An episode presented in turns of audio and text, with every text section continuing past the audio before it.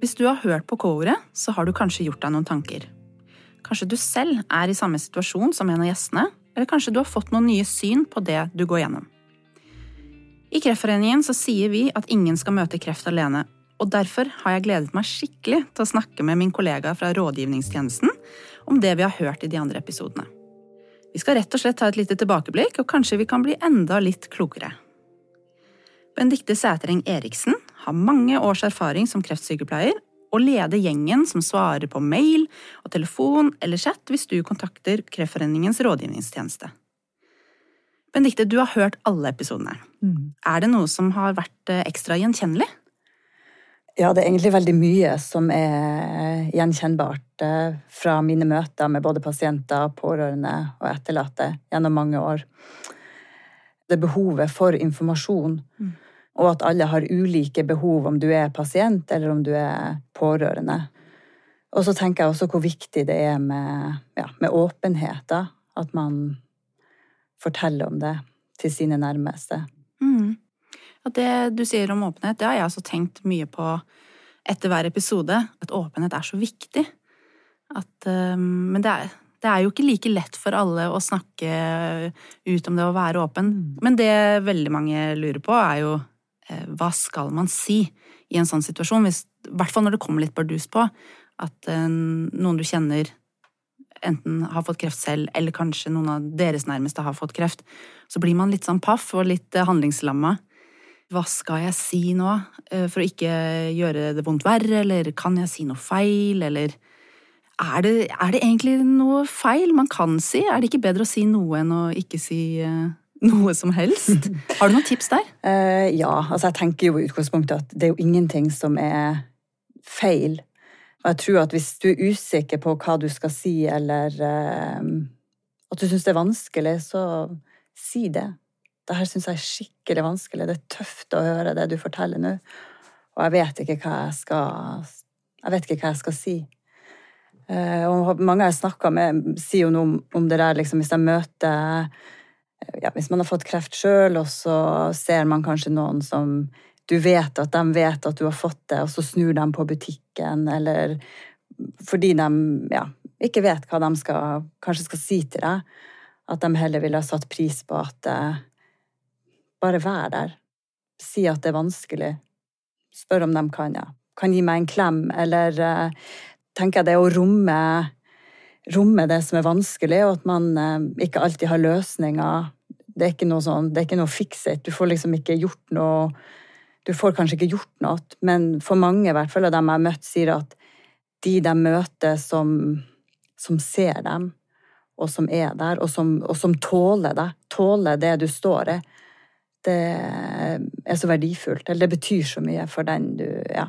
Mm. Både for den som er syk, men også for pårørende det er viktig å se dem òg. Det mm. er tøft å stå på sidelinja. Mm. Det syns jeg er et fint uh, tips, egentlig. Vi har jo vært gjennom noen ulike temaer i, uh, i episodene i koret. Og nå skal vi høre tilbake på et uh, klipp fra første episode, som var med sosialantropolog Thomas Hylland Eriksen. La oss høre på det. Men vi må ikke miste håpet, og vi må ikke slutte å glede oss over å kunne være til stede. Er det det at de der små tingene det er de som blir de viktige? Ja, er det ikke rart? Men jeg tror det. Altså, det, det, er også en sånn, det er også en sånn, Jeg sier at kreften er et bullshit-filter. altså Du filtrerer på det som er uvesentlig, nærmest eh, på autopilot. Og så sitter du igjen med det som betyr noe, det som virkelig er viktig. Og det som er viktig, det som gjør at livet får mening, det er veldig ofte de små tingene. Det er, det er summen av alle disse små tingene. Du gjør sammen med det å drikke kaffe med folk. Det er de små tingene som blir viktige, sier Thomas. Hva, hva tenker du om det, Benedicte? Jeg tenker at det er så ja, utrolig fin refleksjon fra, ja, fra Thomas. Mange jeg snakker med, sier, sier, nettopp det. At man får liksom, ja, filtrert bort litt. Men så er det jo også jeg tenker at det, det er jo ikke alle som opplever det på den måten. Noen blir jo Eh, ja, syns i hvert fall kanskje i starten at det, det, blir vanskelig å finne mening med, med, det å ha fått en kreftdiagnose. Uh, men at ofte ser i hvert fall min erfaring da, at etter hvert, når man blir liksom litt mer landa i det, at uh, man kommer frem til det. Og mange har sagt til meg det der at nå vet jeg liksom hvem som er vennene mine. Eh, hvem som tør å være der. Hvem som Ja. Hvem jeg har lyst til å drikke kaffe med, eller Jeg har jobba mye med brystkreft, og mange av disse damene har jo også sagt at det der med Ja, det er ikke så nøye med den, det husstøvet eller den husvasken, eller jeg vil heller bruke tida mi på å gjøre ting som er viktige, da. Det som betyr noe. Ja, for da vi snakka om det, så tenkte jeg sånn ja, selvfølgelig, liksom. Uh, selvfølgelig er det de små tingene. Og jeg skulle så ønske at jeg også klarte å følge det mer i hverdagen. Filtrer bort de ubetydelige tingene. Og heller eh, være litt mer i nuet og ta vare på de små, fine øyeblikkene. Mm. Men det er ikke så lett, altså. Nei, det er absolutt eh, ikke så lett. Eh, jeg tenker liksom, ja, i hvert fall i jobben min så blir jeg ofte påminnet det hver eneste dag. Eh, og så prøver jeg å ta med meg noe av det, det hjem og liksom, ja, minne meg på, eller ja, tenke, ja, kanskje tenke litt mer over, da hva man bruker tida si på. Men ja, jeg tror man har godt av å ha litt fokus på det. Ja, mm. bli minna på det. Mm. Ja. Thomas han vet at han ikke blir frisk, men heldigvis så blir veldig mange kreftpasienter det. Men selv om man eh, blir frisk, så er det jo ikke nødvendigvis sånn at kroppen og formen og at alt er sånn som det var før selve kreftdiagnosen. Så jeg har veldig lyst til å høre på hvordan eh, Marna Haugen beskrev det da jeg snakka med henne. Hvis jeg tenker på meg sjøl som en bil, da, så har jeg fått litt bulker og sånn, men jeg er veldig kjørbar. og jeg tenker at jeg steller liksom godt med karosseriet og eh, både hodet mitt og eh, kroppen min. Marna sier at hun eh, føler seg veldig kjørbar, men likevel så har hun fått noen bulker på veien. Hva, hva kan disse bulkene være? Det kan være mye, uansett si, om man skal bli kreftfri, eller om, om man eh, ikke blir frisk, eh, så, så, skjer det noe med deg eh, når du får en kreftdiagnose. Og ja, livet blir snudd på hodet. Og for mange som skal inn i Eller som, ja, som Marna, da, som, skulle, som skal bli frisk, så er det i hvert fall min erfaring at mange mobiliserer så innmari for å stå i den behandlinga og tåle å tåle alle de bivirkningene og alt det det gjør med deg, både ja, fysisk og psykisk. Og så sitter du der, da, og så skal du kanskje ha siste cellegift, og så på poliklinikken der jeg jobba, så hadde vi en sånn greie når jeg starta, som jeg syntes var så bra, at vi kom med flagg og eh, saft og liksom å, feira. Og så opplevde vi jo mer og mer at pasientene, eller at de bare ja, ble, kunne både bli lei seg og kjenne at de var ja, som har vært igjennom en tørketrommel. Du er helt utslitt. Og så er det så mye forventninger fra både, kanskje både fra oss og, som jobber der, og fra um, dem rundt seg, altså pårørende, og ikke minst seg sjøl, om at man skal være så glad og happy, og nå er du jo kreftfri, så da er det jo bare å begynne å leve igjen. Ja, det er alt som før, liksom. Alt som før. Mm. Og det er det ikke. Jeg tenker uansett i hvilken grad, si, hvor syk eller du, du er, så, så, skjer det noe med deg. Bare for de aller fleste som får beskjeden om at du har kreft, eh, så er jo det første man tenker på. Man får liksom kanskje første møte med det å snakke om døden. Eh, og så gjør det noe med det.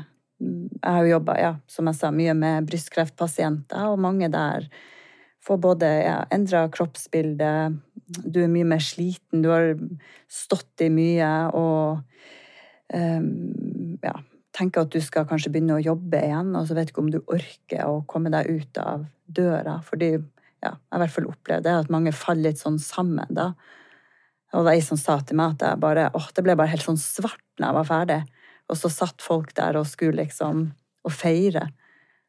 Eh, så vi ja, tenker i hvert fall heller det vi sier og oppfordrer til, som jo heller ikke er så lett bestandig, det og det å ta det ta det gradvis og på en måte ja, skynde seg litt langsomt tilbake og finne litt ut av hvem er jeg nå? For det er mange, i hvert fall ja, de aller fleste jeg snakker med, kommer ut og sier at kanskje ikke jeg blir sånn som den jeg var før, men kanskje jeg får noe annet som er bedre. Og, og i hvert fall min erfaring er jo at de som klarer å bruke god tid på å jobbe seg sakte, men sikkert tilbake, får det Da går det i hvert fall litt lettere. Det er så lett å ha den derre sluttdatoen, for du vet som regel når siste runde med cellegift, eller når du er ferdig med stråling, eller mm. når liksom behandlingen eh, er ferdig, men du vet ikke hva som skjer etter det.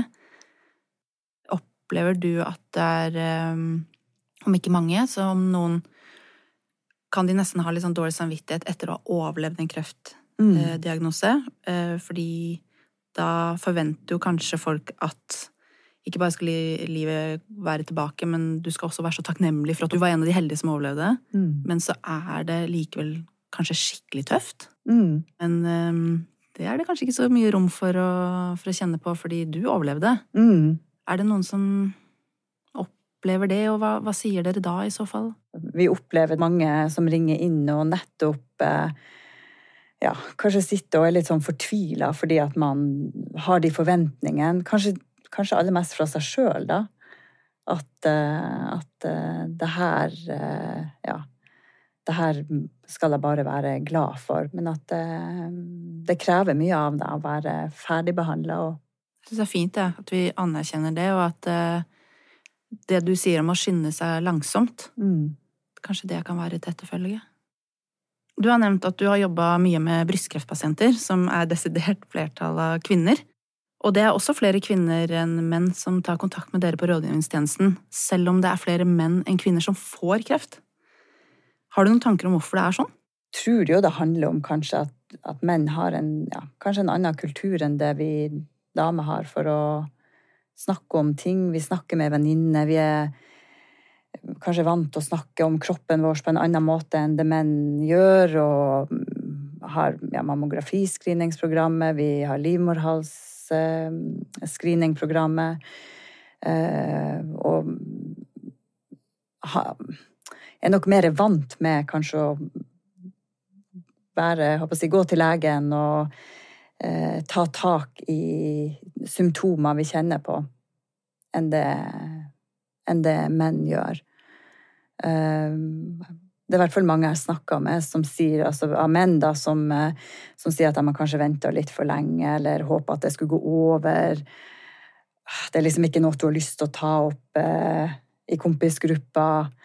Eh, og ofte er det jo sånn at ja, Det er mange som sier, i hvert fall som jeg har møtt, at eh, det er eh, ja, det er kona som pusha meg til legen, eller partneren min som sa at nå er du nødt til å få sjekka den føflekken, eller ta en prøve, fordi at du er ikke deg sjøl. At det er liksom da det har starta, og da har de kanskje gått, eh, ja, gått mye lenger, da. Så eh, Men det som vi i hvert fall har opplevd nå hos oss eh, på rådgivningstjenesten det siste, er jo at vi ser jo ofte hvis det er kampanje, eller det var en artikkel, avisartikkel om en som gikk ut og fortalte han hadde fått peniskreft nå rett før sommeren. Og da fikk jeg tre telefoner den dagen fra menn som lurte på, som hadde like symptomer, og lurte på om vi burde gå om de burde gå og sjekke seg, eller ta kontakt med legen. Hva sier du da? Sier du at de burde det? Ja, da sier jeg at det burde du så absolutt eh, gjøre. Vi sier jo at man ofte, hvis man har hatt symptomer som varer i, ja, i opptil tre uker, så ta kontakt med legen din. Og det er ikke noe forskjell på menn og kvinner der.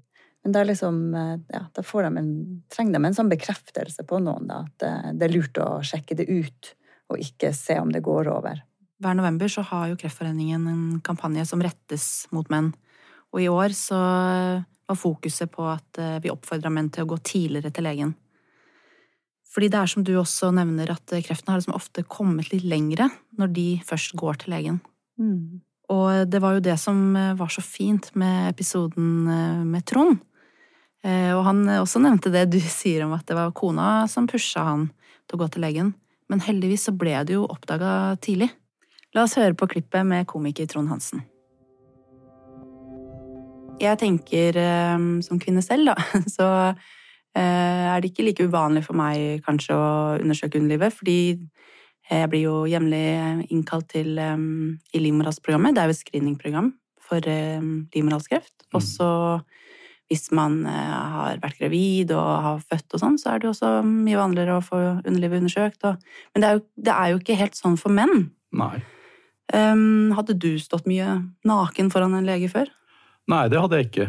Uh, absolutt ikke. Uh, det, det, min erfaring med de tingene er jo at man blir oppfordra til å sjekke testiklene med jevne mellomrom, og det gjør man jo. Men, men, nå er du 65 år, ja. og øh, kanskje litt mer gjennomundersøkt enn de fleste. Er de undersøkelsene så skumle som kanskje noen kan frykte?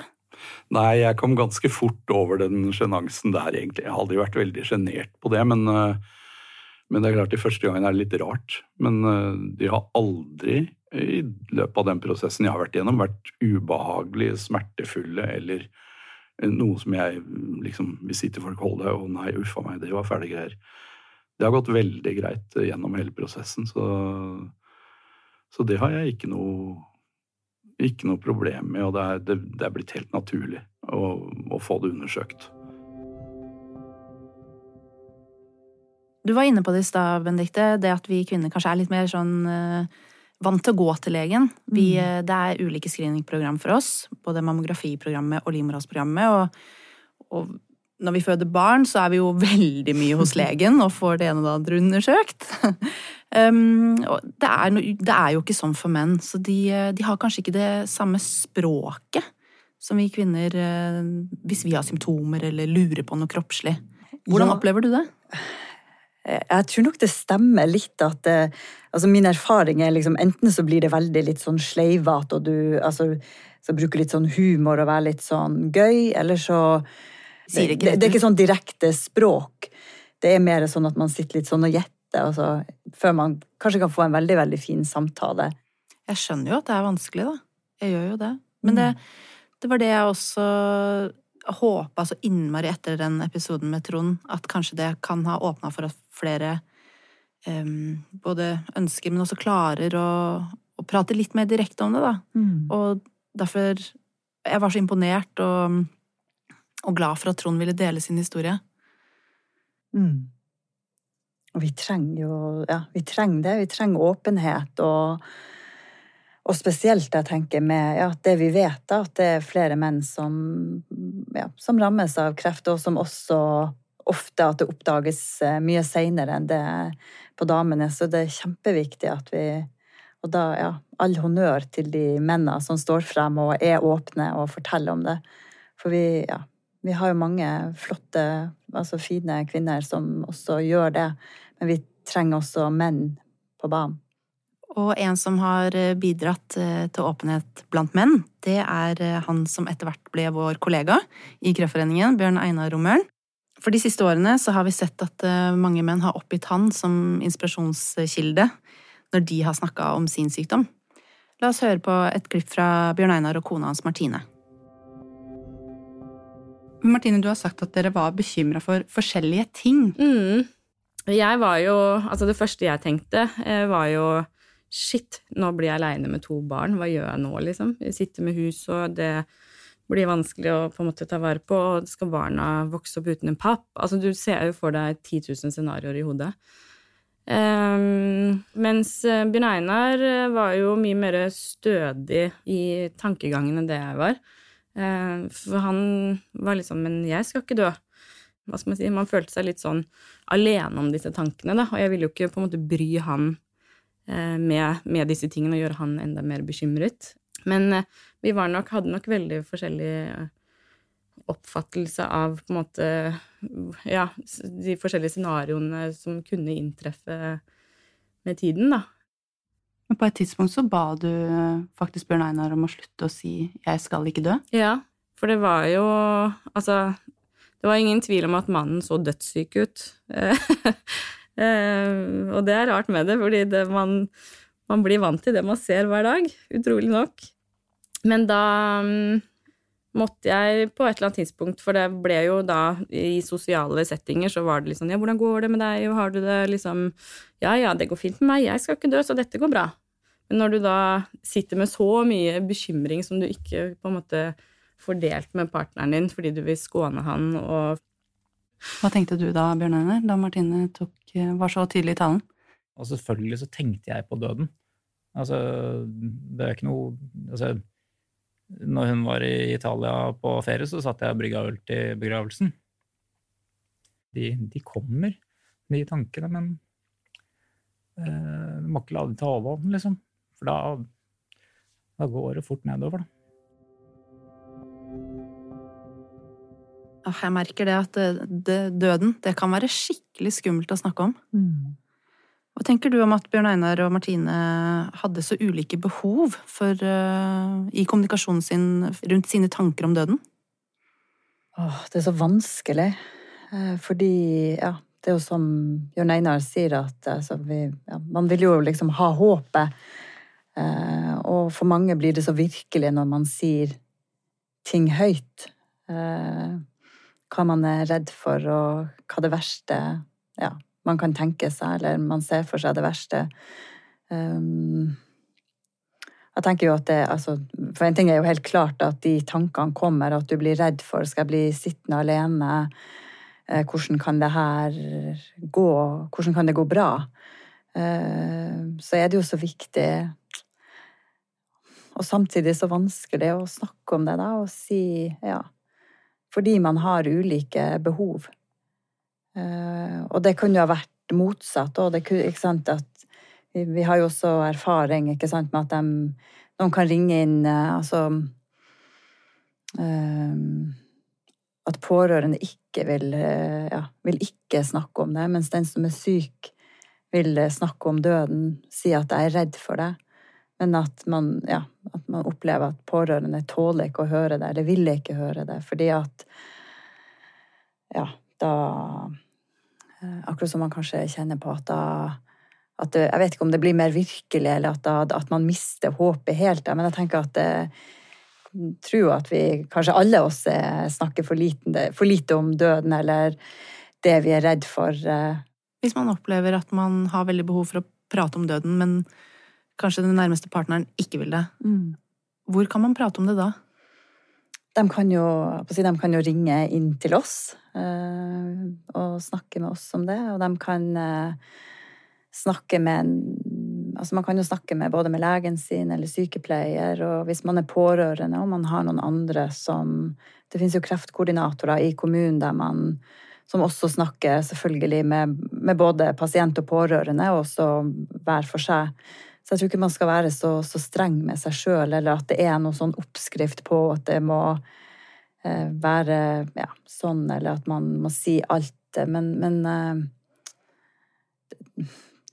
når man står i det, så tenker jeg i hvert fall det som er viktig, er at man omsorg kan si at jeg tenker på det, jeg syns det er vanskelig, og jeg skjønner at du ikke har lyst til å snakke om det, men jeg tror jeg må snakke med noen andre om det, bare for å Ja, for det blir veldig stort og tungt å gå og bære på alene.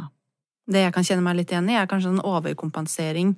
For hvis eh, min partner eh, hadde hatt veldig lyst til å prate mye om døden og tenkte mye på det, så tror jeg kanskje jeg hadde blitt sånn nei, nei, nei, men dette skal gå bra. Og, fordi vi kan ikke være to som, eh, som, som tenker mye på døden og går kanskje litt sånn ned i mørket. Eh, Men da tror jeg jo også, som du sier, det er viktig at du får utløp for det andre steder. Å gå rundt alene med tankene høres heller ikke noe særlig godt ut. Men jeg kan forstå jeg kan forstå litt den der overkompenseringen og den prøve å være hverandres balanse. Mm. Eller finne en balanse. Mm.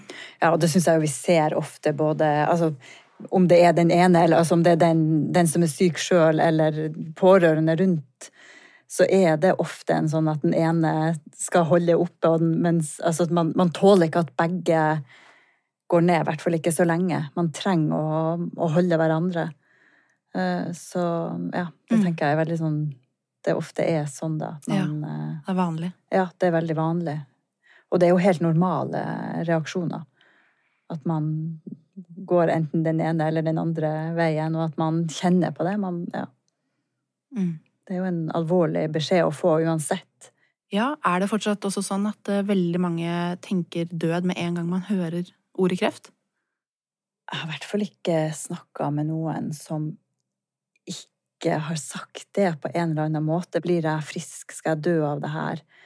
Var det og, ja, oppleves urettferdig og vondt og kaotisk. Selv om vi vet at eh, Ja, vi vet jo at de aller fleste går der. så tre av fire overlever jo, så vi Det er jo ikke Det er jo ikke sånn det er lenger, som det kanskje var før. Og jeg skal innrømme at før jeg begynte å jobbe i Kreftforeningen, så husker jeg at jeg var så redd for at jeg en dag skulle få kreft, eller at mm. barna mine eller de aller nærmeste skulle få det, for da tenkte jeg sånn Uff, det fins jo nesten ikke noe verre.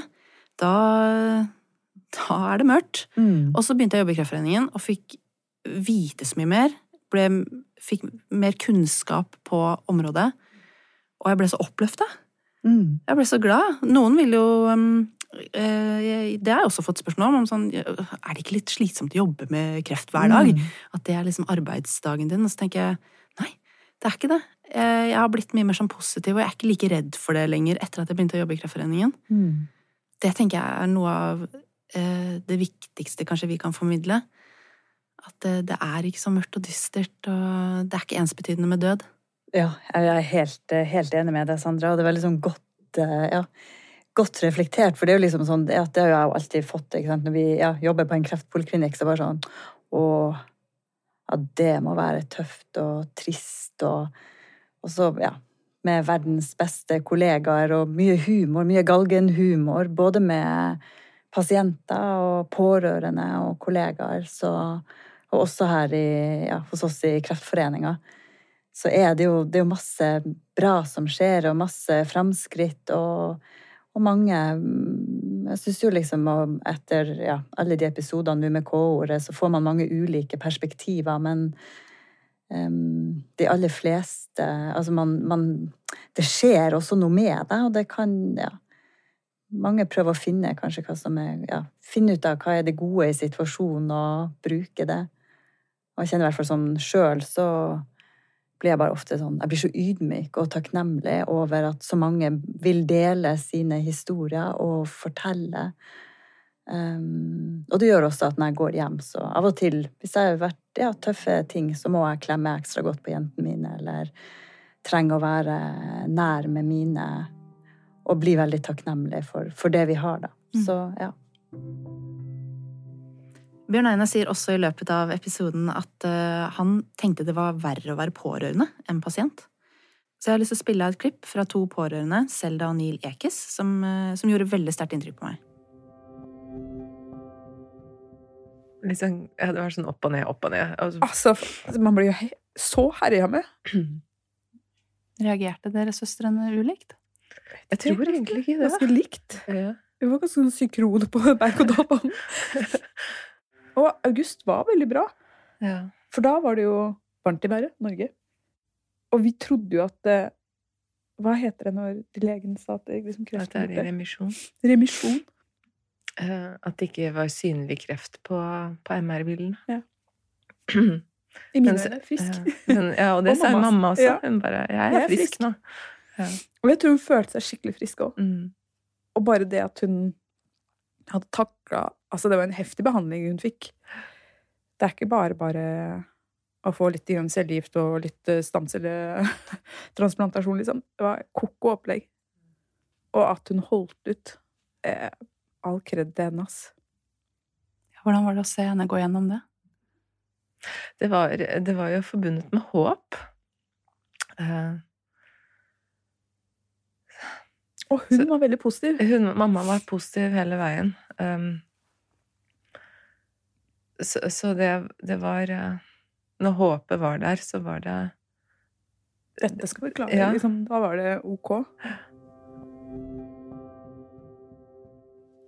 Jeg har bare tenkt på måten Selda og Neil beskriver det å være pårørende, og spesielt da over flere år, og hele den utmattende prosessen det, det er.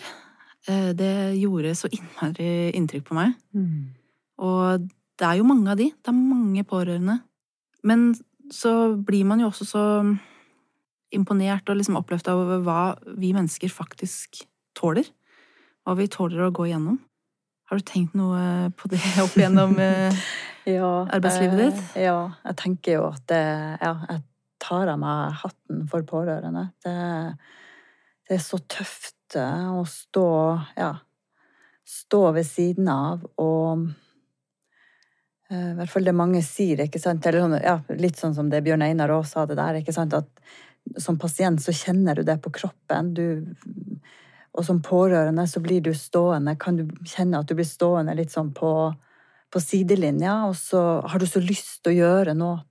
Og ofte blir det jo da kanskje at man vil gjøre praktiske ting, og så er det så vanskelig å bare se den du er så glad i, lide og har det vondt, og at du eh, blir med på alle de opp- og nedturene, og du håper, og nå må det gå bra, og man, ja, man blir, kan ja, blir sånn desperat i at man må bare finne ut av det, da. Det du, ja, du vil liksom gjøre alt, og du vil ikke gi slipp. Uh, og så er det så Ja, jeg tror det er så krevende. Og så det å også være pårørende, så skal du jo i mange tilfeller stå i jobb, holde AS-familien i gang, og liksom være den som er Ja, som holder mye, da, og så um, Og det er jo godt, da, sånn som med Selda og Neil, at uh, de har hverandre. Og det ja, opplever i hvert fall mange sider av det, at den støtten de har i Hvis man har det, da, det er en veldig sånn den gode både trøst og støtte og kunne Ofte at man ser at man tar på seg litt sånn ulike roller, og i forløpet noen, ja, sånn som de sier, ene følger, er med til legen fordi man, man finner liksom sine styrker da, og prøver å bruke ja, prøve å bruke det. Men at det er krevende å være pårørende, det er det ingen tvil om. Hvis man er pårørende og syns det er fryktelig tøft, er det noe man kan gjøre for å lette litt på trykket, eller for å få hjelp til å komme seg gjennom det? Uh, ja, jeg tenker jo ofte det vi, eller det vi råder, eller det jeg kan råde dem til, det er jo også det at ja, det å, For å ivareta andre, så er du nødt, og du trenger å ivareta deg sjøl. Eh, og snakke med ja, snakke med, den, snakke med den du er nær, da. At um, uten å Og det er så lett å si det, da, men uten det å få dårlig samvittighet. Kanskje du trenger å gå på den treningstimen, eller gå på teater, eller ha en fjasekveld med en kompis uten at det Uten at du skal kjenne på at du Ja, både det og Det er mange som kan spørre liksom, har, vi, har man lov å være glad? Kanskje barn spesielt det er lov å le og kose seg selv om mamma eller pappa er syk. Um, ja. Så jeg tenker Og det er jo viktig at man kanskje har enda mer fokus på litt sånn den rollen, eller den, ja, det pårørende gjør, da. Uh, og hvordan vi kan ivareta dem mer. Og de kan jo selvfølgelig også, ja, ringe oss og snakke, snakke med oss på, på rådgivningstjenesten, og snakke med sin fastlege eller eh, kreftkoordinator i kommunen for å få hjelp hvis man trenger det. Hvis man kjenner at det, at det blir veldig vanskelig, da. En familie som går gjennom eh, tøffe tak, vil jo sikkert også sette ekstremt stor pris på kanskje litt eh, ekstra hjelp utenfra. Og en ting jeg tok med meg veldig fra den samtalen med Martine og Bjørn Einar, det var at eh, hvis du har lyst til å hjelpe, så ikke si sånn Bare, bare si ifra hvis jeg kan bidra med noe. Da er det bedre å bare troppe opp på døra med en bolledeig eller eh, klipp gresset eller mm. uh, ta med ungene ut på lekeplassen. Om det er en halvtime, en time. Mm. Sånne småting vil sikkert bety enormt mye. Så um, det har jeg faktisk slutta med. Å si sånn Bare si ifra. For det Mm. er jo ekstra vanskelig, vil jeg jo tro. Når Ja. du står i en allerede tøff situasjon og skulle be da folk om hjelp. Mm. Ja. Kunne du ha kommet og klippet gresset mitt? Sitter litt langt ja, jeg synes, det syns jeg var så flott at Martine sa det at eh, Ja, med venninner som bare kom og gjorde det. Og det tror jeg veldig mange får en sånn aha-opplevelse på. Eh, ja, vi bare tar med oss ungene på kino. Eller eh, ikke spør, men ja, bare gjør det. Mm. Det tror jeg veldig mange eh, setter pris på. Fordi det er vanskelig, ja, det er vanskelig å be om hjelp, da. Mm. Eh, Jeg hadde en jeg snakka med, som de, de bare oppretta en sånn kjøregruppe. Sånn logistikk eh, uten på en måte å De bare sa fra at nå har vi, vi henter, og her er planen. Så slapp den mammaen som var syk, og, og pappaen hjemme å forholde seg til at barna skulle på aktiviteter. Så var det liksom eh, ja, foreldrene fra treninga som, og fra musikk eh, Eller fra teatergruppa som gjorde det. Så ordna man det. Og det er jo en sånn Det koster så lite, og så betyr det så utrolig mye hvis man eh, kan gjøre det. Og apropos eh, det du sier, eh, Benedicte, om, om å være en barnefamilie når, eh, når kreft kanskje rammer, så, så er det jo sånn at det er flest eldre som får kreft. Men faktisk så er det over 34 000 barn eller unge under 18 år som har eller har hatt en forelder med kreft. Det er utrolig mange, altså. Så vi hadde så innmari lyst til å også snakke om det i koret. Det å være mm, pårørende som barn. Og en av de, det var eh, influenser Agnete Huseby. For hun var bare ti år da mammaen hennes fikk eh, brystkreft. Og eh, jeg er jo mamma selv og kan bare tenke meg alle spørsmålene som hadde dukket opp hvis, hvis jeg hadde stått i en sånn situasjon. Og da, mm, da, er det jo fint å kunne ta med seg noen råd på veien. Så vi skal høre tilbake på et av hennes råd. Men det var veldig fint for meg å vite at jeg er med på det og at uh, de spørsmålene jeg hadde, ble besvart. Og så var det det at det er jo faktisk ingen dumme spørsmål. Det er ingen spørsmål som er feil, ingenting som er uh, for uh, drøyt å spørre om. Altså, jeg syns i hvert fall det var veldig fint å, å bare lufte, lufte alt jeg tenkte på. Og om det var at jeg var redd for at hun skulle dø, eller om det var hva skjer egentlig i, i cellene? Når, når, hva er kreft, egentlig? Alle de spørsmålene som måtte jeg eller jeg syns det var veldig fint at eh, måte, jeg kunne spørre om absolutt alt. da. Og også så var jeg veldig åpen mot uh, Vi snakka med læreren min. Mamma sa ok, nå går jeg gjennom det her. Agnete går gjennom det å være pårørende. Bare sånn at du er klar over det. Og hun var veldig forståelsesfull når jeg var ikke alltid på skolen hele tiden, så var det på en måte helt greit. Og jeg føler at det var liksom et veldig fint apparat rundt. Når måte, alle var klar over hva som skjedde, så var Syns alle det var egentlig helt Eller alle forsto på en måte uansett hva det var, så var det greit. Så det var veldig fint, husker jeg. Mm. Åpenhet, altså. Åpenhet, ja. Ja, der var vi tilbake til det med at åpenhet er så viktig og betydningsfullt. Mm.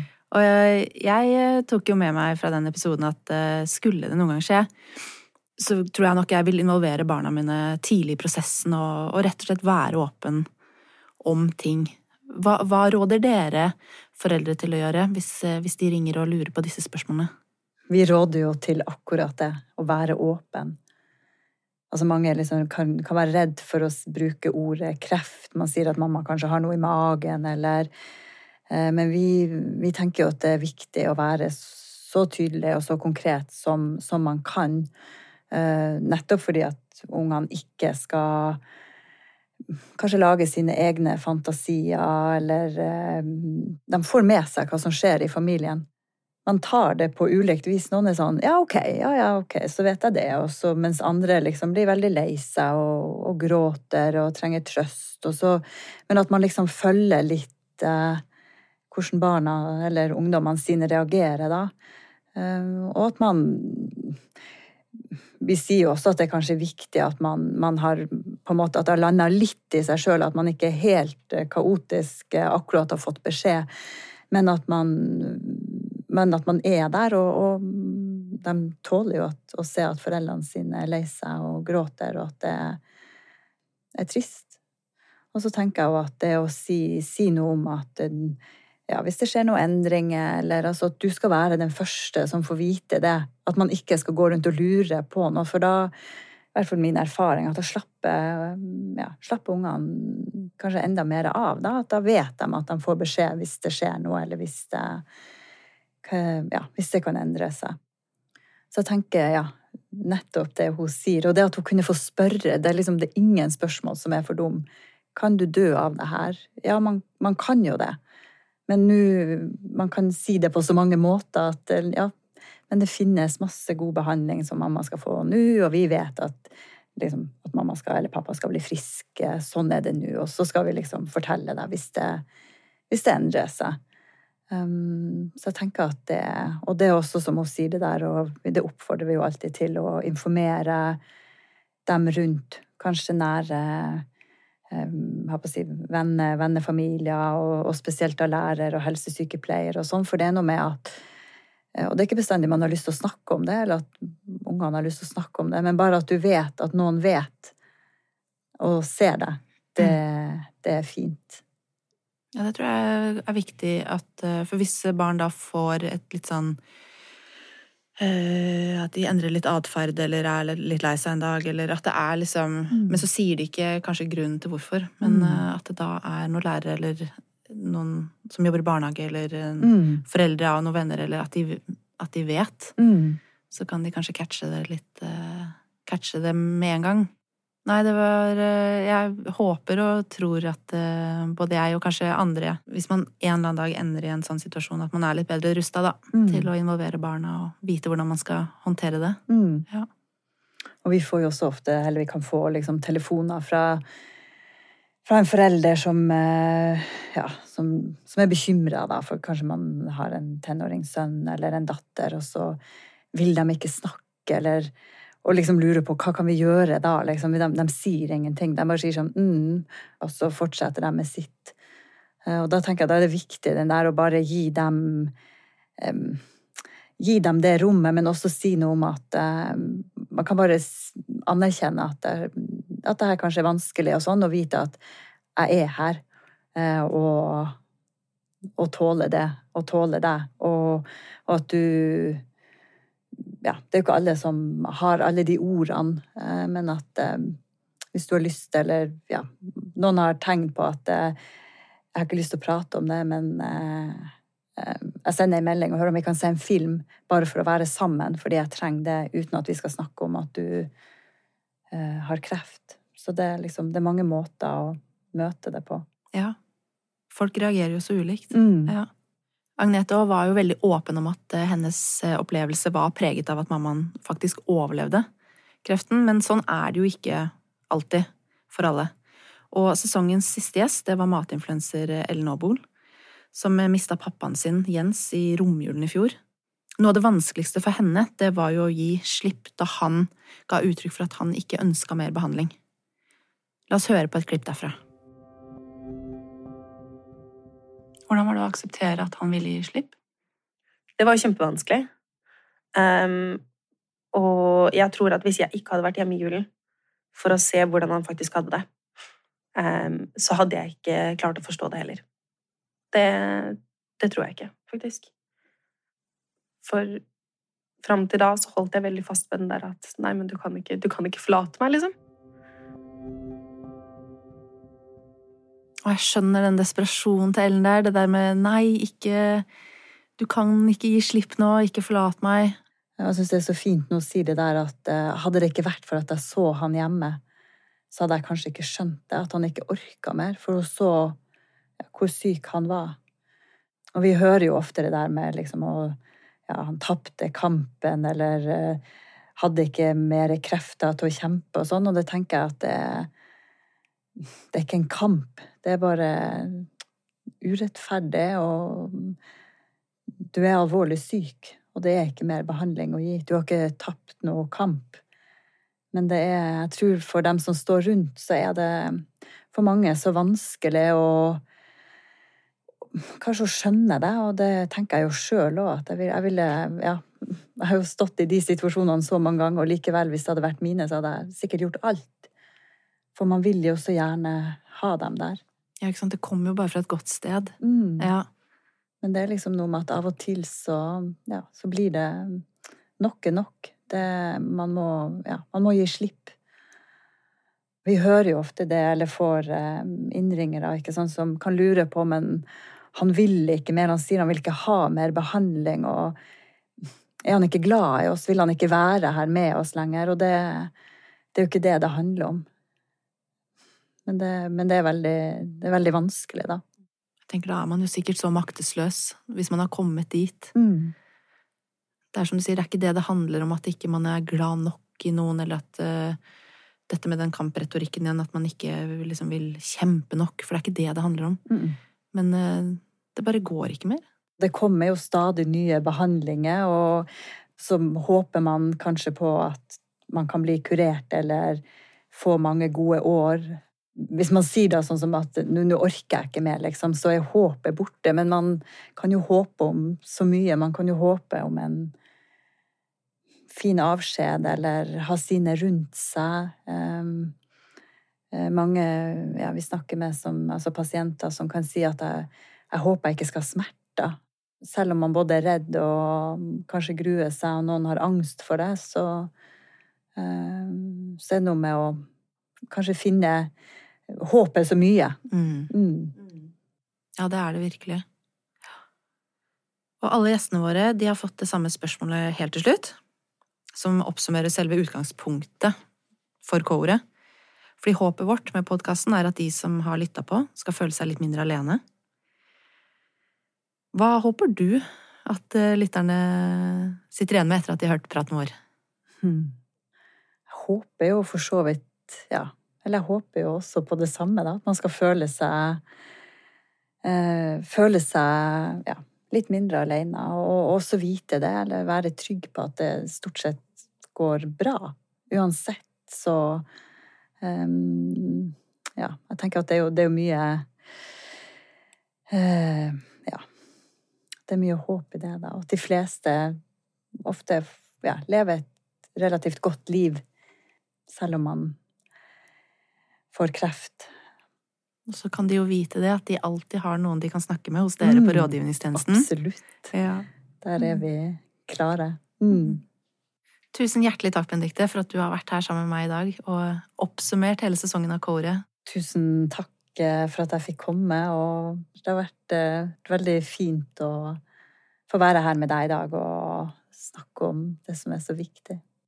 Jeg syns at eh, vår eh, siste gjest, eh, Ellen, skal få lov til å avslutte det hele, fordi selv om hun mista pappaen sin, Jens, så, så har hun klart å, å finne lysglimt i det mørke. Jeg håper også at jeg kan hjelpe folk med å innse at de er så mye sterkere enn man kanskje tror.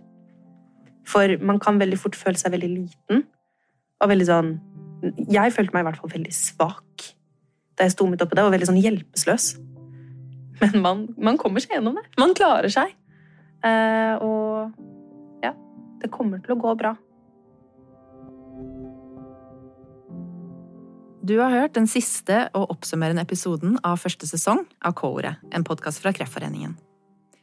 Kreftforeningen har en rekke gratis tilbud for alle som er berørt av kreft, enten som pasient, pårørende eller etterlatt. Og ett av dem det er rådgivningstjenesten, der du kan treffe på Benedikte eller noen andre av hennes kollegaer. Og du finner rådgivningstjenesten og en oversikt over alle de andre tilbudene våre på kreftforeningen.no. Og vi er også på Facebook og Instagram, så følg oss gjerne der. K-ordet er produsert av Gjenklang for Kreftforeningen. Og produsent for Gjenklang det er Christian Konglund. Produsent for Kreftforeningen er Birgitte Hoff Lysholm. Og jeg heter Sandra Christiansen. Vi høres igjen.